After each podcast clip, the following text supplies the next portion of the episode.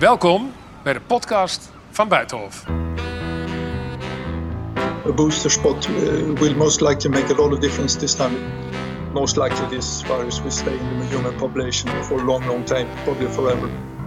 We are prepared, I think in Sweden too, to do uh, most things that are needed. Hij is de architect van het Zweedse coronabeleid. Nuchter, bescheiden, eigenwijs. En volgens sommigen een held, volgens anderen stort hij het land in de afgrond. Staatsepidemioloog Anders Tegnell is de Zweedse Jaap van Dissel. Op het hoogtepunt van de corona-epidemie gaf hij dagelijks om twee uur een persconferentie, meet alle talkshows. Hij liet restaurants en kroegen open, geen lockdown in Zweden. Maar nu wordt zijn beleid bekritiseerd door de Zweedse Academie van Wetenschappen. Vlak voor deze uitzending sprak ik met Anders Technol over zijn beleid en de opkomst ook in Zweden van Omicron. Anders Techno, welkom in de uitzending eh, van Buitenhof. Ik kan beginnen in het Nederlands, want u bent getrouwd met een Nederlandse vrouw. Hè? U begrijpt de taal een beetje. Yes, I do. And uh, I've also lived in Holland, and my daughters have been living in Holland, so we have a lot of contacts with Holland. Spreekt u ook Nederlands? Kunnen we dit interview in het Nederlands doen? Uh, I think better not. It will be a very short interview in that case. Okay, okay. Let's then we'll switch to English. But one fun fact about you: uh, last weekend you um, had a Christmas party, not a Christmas party, a Sinterklaas party, right? Yes, uh, together with some Dutch friends that living in Sweden since a long time back, and we have a long tradition of celebrating Sinterklaas together. Okay, let's talk about serious uh, things. Um, what do we know so far? What do you know so far about the very contagious uh, Omicron virus? Yeah, I think I was in a briefing together with uh, my South African colleagues um, uh, just yesterday, and I think they're doing an enormous work in trying to give us good data on, on this new variant it seems to be quite clear that it's more contagious, or at least spreads easier than the, the earlier variants. Uh, if that means it will take over or not it's not quite clear yet. Um, if it gives more serious disease or not, no clear data. It doesn't look like it, I must say, from the data we have so far. Uh, the vaccines are probably a little bit less effective, but seem, I think most experts still agree that for serious disease, the vaccines will still be good, especially if you have three doses. So it's it's a mixed bag, um, and how much of an impact it will make in different countries, I think remains to be seen. But I think the main, most important news is the vaccines are still going to help us, and that the same kind of measures that we used for Delta and previous variants will also work against the, the Omicron variant. So, would you say that, uh, according to these uh, preliminary studies, um, a booster shot is right now crucial? I think it, yeah, it looks like it's going to be quite important, especially among the elderly uh, people and people with chronic diseases and so on. A booster shot uh, will most likely make a lot of difference this time. It, all the data says that. Yeah. Uh, we all know that uh, you have a very different approach in Sweden um, fighting this corona epidemic. Still, uh, you didn't have a lockdown. Bars, restaurants are open, theaters, uh, pop concerts. But last week you announced new measures or an advice to the Swedish people. What is the difference now? What should happen in your country? Uh, we have had the big events closed and so on, but they open up during the summer and it's been open since then. Now, when we see more, we have introduced vaccine passes uh, for any event that's more than 100 people. If the event chooses not to use the vaccine passes, and some will to, to have it open for everybody, uh, there are quite strict measures in, in how many people you can have uh, that you must make sure that they can keep a distance and, all the things that we had previously. Um, but it looks like most events will uh, go for the vaccine passes. Do you advise to wear masks, for example, in public transport? Yeah, now when we see an increase again, uh, just like last winter, we, we, said the same thing. We said last winter that uh, now it's a time to, when it's crowded in, in public transport, uh, we advise that you wear a mask. Uh, and that happens, of course, mainly in the big cities in Sweden, not so much on the countryside. I'm asking because in the beginning of the epidemic, you thought it was mostly symbolic to wear masks and it wouldn't do anything against the virus? Uh, we, we don't really know. I mean, there's been a, a number of studies coming out, uh, and it's very, it's obviously very very difficult to to measure any kind of the impact. I mean, there's a big Bangladeshi study just published. Uh, it shows about 10 percent uh, less uh, transmission when you have masks very widely in society. Uh, how much difference it will make in, in public transport is, uh, as far as I know, to a great extent unknown. Uh, but we believe that it will make some difference, and, and, in a stage when we really need all the tools we can have to yeah. to keep this in a in a reasonable shape, uh, we still believe that it's necessary to, to give that kind of advice. The Netherlands uh, started very late in the game uh, with administering the booster shots. And that's why we have huge problems now in the Netherlands. what about Sweden? You started earlier, right?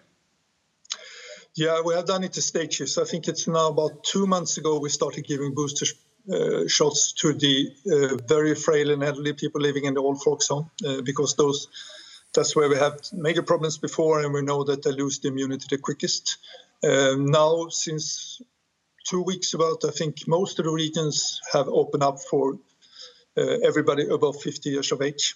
Um, and I think right now we have reached above 65. We are 50, 60% of people above 65 have received a third dose. I know that last week you talked to uh, Jaap van Dissel, your Dutch colleague. Uh, do you talk about these uh, things? Because as it stands now in Sweden, you only have 53 patients on the ICs. Compared to the Netherlands, we have 655. So you must talk with uh, Jaap van Dissel about this huge difference. Is again the crucial point here that the Netherlands started way too late with administering the booster shots? I'm not too sure because our experience is that two shots really give a very good protection against uh, becoming as ill as you need ICU.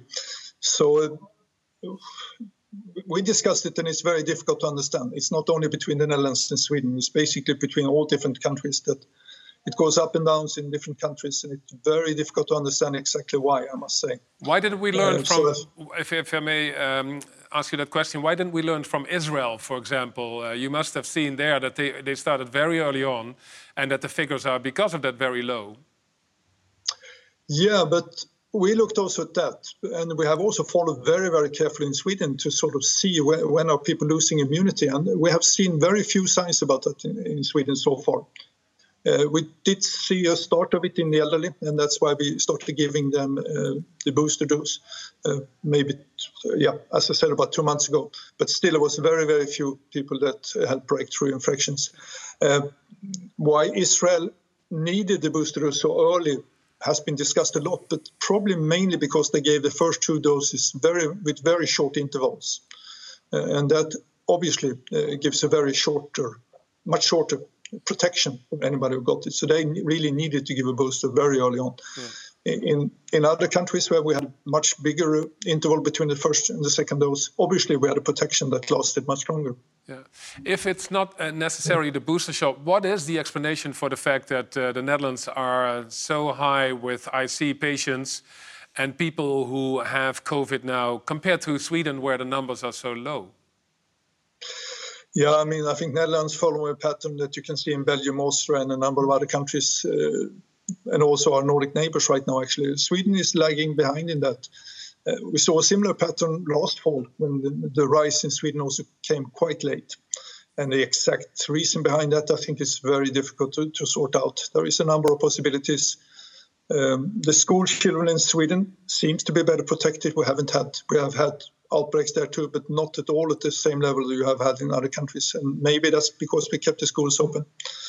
Um, the recommendations to keep a distance in Sweden has been kept for a long, long time and are still in place. And I think that made a difference because in stores and so on, at least my feeling is that Swedes are a bit more. Uh, still keep distance better than, than it seems to do in other countries. So, but it's difficult, and it could be more of a time issue, and, and maybe Sweden will end up in the same way that the Netherlands in in a month or so. But we definitely hope not, and we do believe that the booster shot we're now giving will make a difference. Um, recently, the Swedish Academy of Science has criticized your approach, especially in the beginning of the epidemic. And they wrote in their findings that infections, disease, and mortality rates were much higher compared to Denmark, Norway, and Finland. And lessons of the first wave haven't been applied in the second wave. What was your response when you read this report? That is much more complicated uh, than this report uh, take into account. I mean, if you look at Sweden and what happened in many other European countries, and especially over time, uh, Sweden doesn't stand out.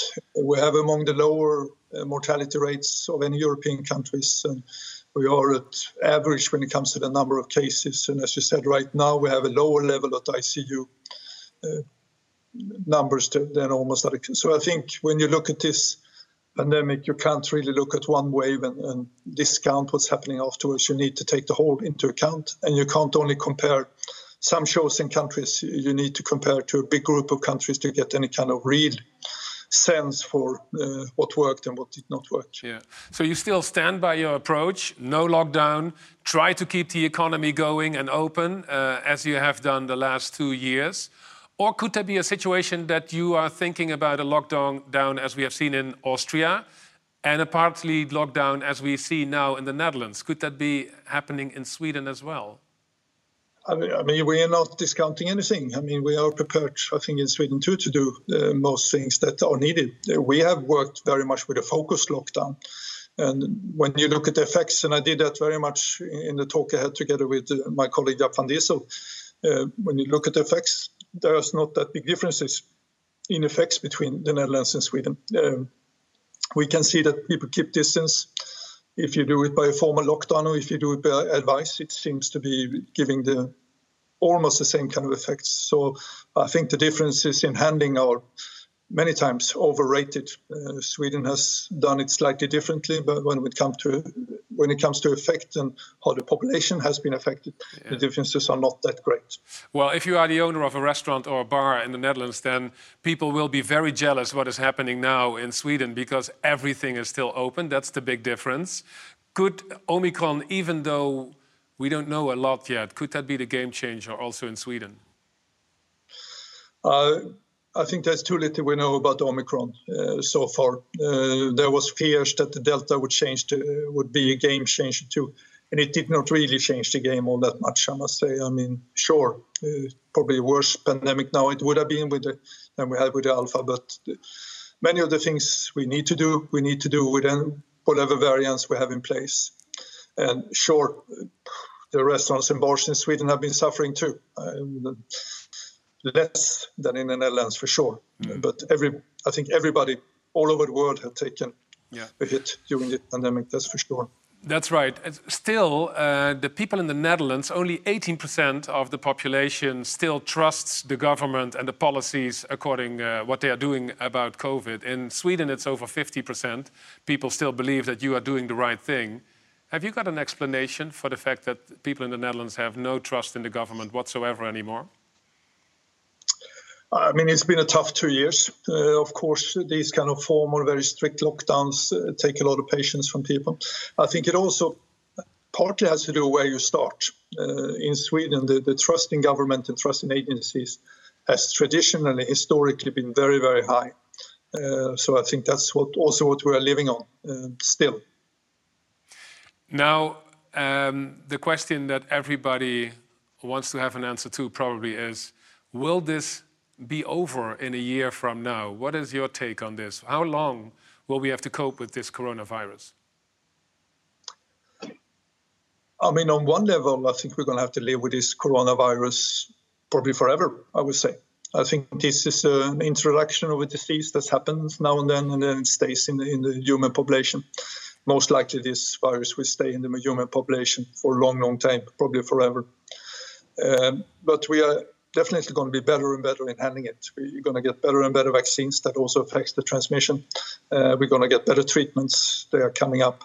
So we'll be have, able to handle it in a different manner so that we can live with it without having these great consequences that it has right now. I, I would hope that in one year we will sort of be almost there, at least in, in unfortunately, in rich and affluent countries, because we're going to have the resources to, to buy the new vaccines and buy the new treatments, and in that way have a, I would say, probably a reasonable control over the, the spread of the disease uh, in a year. Okay.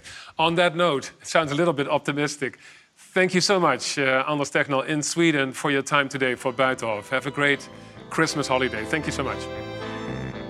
Thank you.